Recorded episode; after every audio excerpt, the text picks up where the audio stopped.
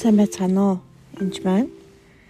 Тэгэхээр манай үйлчлэлтэй холбоотой ч юм уу ер нь би хүмүүсийг ажил доо. За тийм хийгэрээ, энэ хийгэрээ ч гэх юм уу хэлдэг. Тэгээ хөвчлэн сайн дурын ажлууд хийдэг л дээ. Тэгээд ингээ харахаар Иесус худалдаар байгаа эмэгтэйг томилсон байдаг.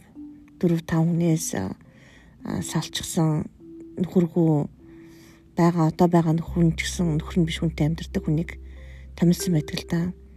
Иесус ингээ харахаар Иесусийн 12 шав дээр онцгойлоод энийг л авчихын, энийг л багтаа авъя гэчихэр хүн бараг байдгүй.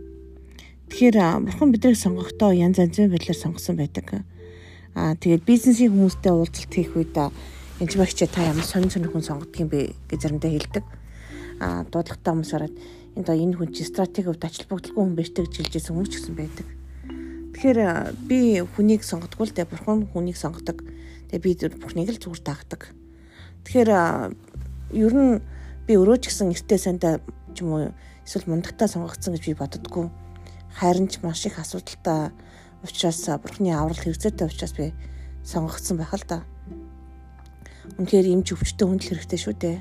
Тэр канцлер үйлчлэгээ авч байгаа хүмүүсийг харахаа бол амьдралд нь маш хэрэгцээ байдаг хүмүүс голц урьдаг ямар нэгэн асуудалд орчихсон сүнслэг асуудалд орсон мэдлэг боловсролтой чадвартай мөртлөө асуудалд орсон эсвэл бүр заримдаа үнэхээр хаашаач хөдлөх боломжгүй болчихсон хүмүүс хүртэл ирдэг. Аа тэгээд мэдээж энэ үйлчлэлийн бас дуудлагаараа явагддаг үйлчлэлтэй. Тэгээд зарим хүмүүс шүүдэг та ямар ч бүтцэхгүй байна, стратеггүй байна, мөнгөгүй ингэж үйлчлэн гэж юу гэдгийг гэх юмчлан янз янзын байдлаар шөмжлөлт би өртдөг. Аа подкаст хийслээ ч гэсэнтэй одоо энэ подкастыг хийхэд янз бүрийн одоо тийм мундаг төлөвлөгөө гаргаад ч юм уу энийг юм лаг болгоё хідэн усад хаана хаана одоо реклам дэч гэх юм уу эзэж боддггүй би зүгээр л хийх ёстой ажлаа хийж өргөдөг. Харин бурхан маркетинг хийдэг бурхан хүмүүсээ явуулдаг бурхан хүмүүсийг сонсгодог байна тэгэхээр хин сонсхойч би мэддэггүй. Ариусс өдөртөл удирдаад хийдэг.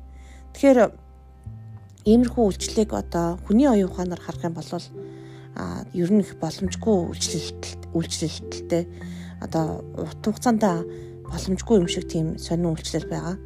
а стратеггүй юм шиг, төлөвлөгөөгүй юм шиг тийм үйлчлэл хийдэг би. а тэгтээ алсын хараач гэдэг юм уу дуудлага байгаа юу байгаа. а бурхан бол маш сайн зөвлөгч гэдгийг юусаа мартаж болохгүй. Бурхан бол эмгцэгцэн бурхан. Бурхан ямар нэгэн төлөвлөгөөгөөр юу ч хийдэггүй. Өөрөө үнэхээр бурхны одоо заасан замаар л энэ бүх зүйл болдог байгаа. Тэгэхээр аливаа зүйлийг харахтаа шүүхээсээ илүү бити шүүгээрэй гэж бурхан хэлсэн байдаг. Бүү шүүхтэн шүүхтэхгүй тул бүү шүүхтэн гэж хэлсэн байдаг. Тэгэхээр аливаа зүйлийг харахтаа магадгүй бурхан таныг сонин ажил томилж магадгүй л дээ. Аа тэгээд би нэг өдөр байдгаараа бизнес төлгөө зохиогоод л өө өстө чигтэйхэн үйлчлэлийг мундаг болгоё гэж л үдэж өглөө би чи математикийн ухааны доктор хүн. Дээрэс нь бизнес төлгөө өнтер гэж зөндөө олон бизнес төлгөө прожектууд төслүүд удирдах байсан хүн л дээ. А 100-аад төслүүд би удирдах байсан хүн шинжлэх ухааны болон бизнесийн за тэгээд олон салбарт би ажиллаж байсан хүн л дээ. За тэгээд нөгөө одоо тийм тархиныхаа мэдлэг оюуныг ашиглаад л жигтэйхэн мундаг юм хийвэ. Тэгээ бурхнаас за одоо би яах вэ гэж асуусан чинь чи тэнд байгаа саруул руу залга гэж хэлсэн Яасан гинэ гэж тэр хүнтэй яраа. Тэр хүн зөвлөгөө өгчлээ. За тэр ч миний уцыг авахгүй дээ. Та юу ярина вэ? Баргал блоклуулсан баха. Бурхан минь гэж хэлсэн чи яг одоо цагнаа гэж хэлээд залгаа залбирсан байгаа. Тэр хүн чөлөөлөгдөд.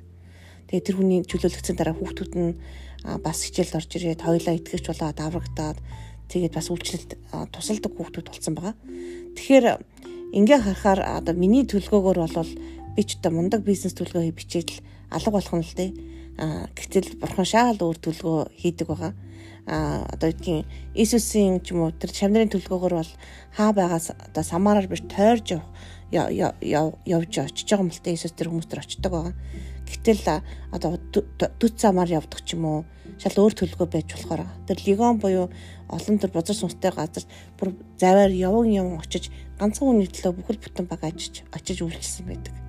Тэгэхээр бурхны төлгөөг харахад ч юм уу хүний оюун ухаанаар харахад маш ойлгомжгүй байдаг боловч дандаа стратегтэй бүтцтэй төлгөөтэй байдаг ба нэг таны үйлчилсэн таны тусалсан тэр нэг хүн гэсэн нэг хүний амьдрал маш үнцэнтэйдэг мартаж өрөөсөө болохгүй.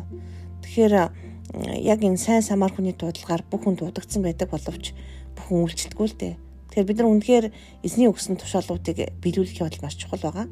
Аа тэгээд магадгүй нэг тийм чухал ажил багталтай юм хийхгүй байгаа юм шиг санагдсан ч гэсэн нэг хүн туслаад нэг хүнийг босон байгуулад нэг хүн туслах нь ч гэсэн ямар үнцэнтэйг бүтгий мартаараа. Аа тэгээд эзний ажил магадгүй таны бодсон төлөвснөөс өөр явагдаж магадгүй. Тэгээд хийж байгаа зарим ажлуудыг бас хүмүүсийг хараад бас бити их шүүгээрээ аа бити их гос голоороо яг бол танд өгсөн төр явуулсан хүн чинь ямар ч зуудлагатай ямар ч мундаг хүн болохыг бид нар мэдэхгүй шүү дээ. Аа тэгэхээр Үнэхээр тэр магадгүй тэр ирсэн тэр жоохон хүүхд чинь мундаг бэлэг гарах юм шиг ч юм удирдахч болсон байхыг мэдгүй сайн мэдээнд явдаг болсон байхыг мэдгүй ирээдүйн өрөмтгч болтойч бид нар мэдгүй шүү дээ. Тэгэхээр ээж аавыг нь ч гэсэн хараад битгий голороо тэгэхээр өөртөө ч гэсэн бас битгий голороо гэж хэлмээр байна. Тэгээ үнэхээр эзний ажил гайхамшигтай шүү.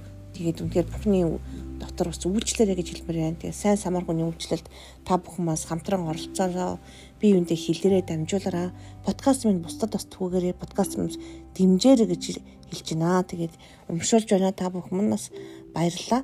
Тэр эзэн таныг урамшуулдаг, босон байгуулдаг. Та эзэн дотор маш чухал хүн шүү гэдгийг дахин дахин хэлмээр байна. Баярлалаа.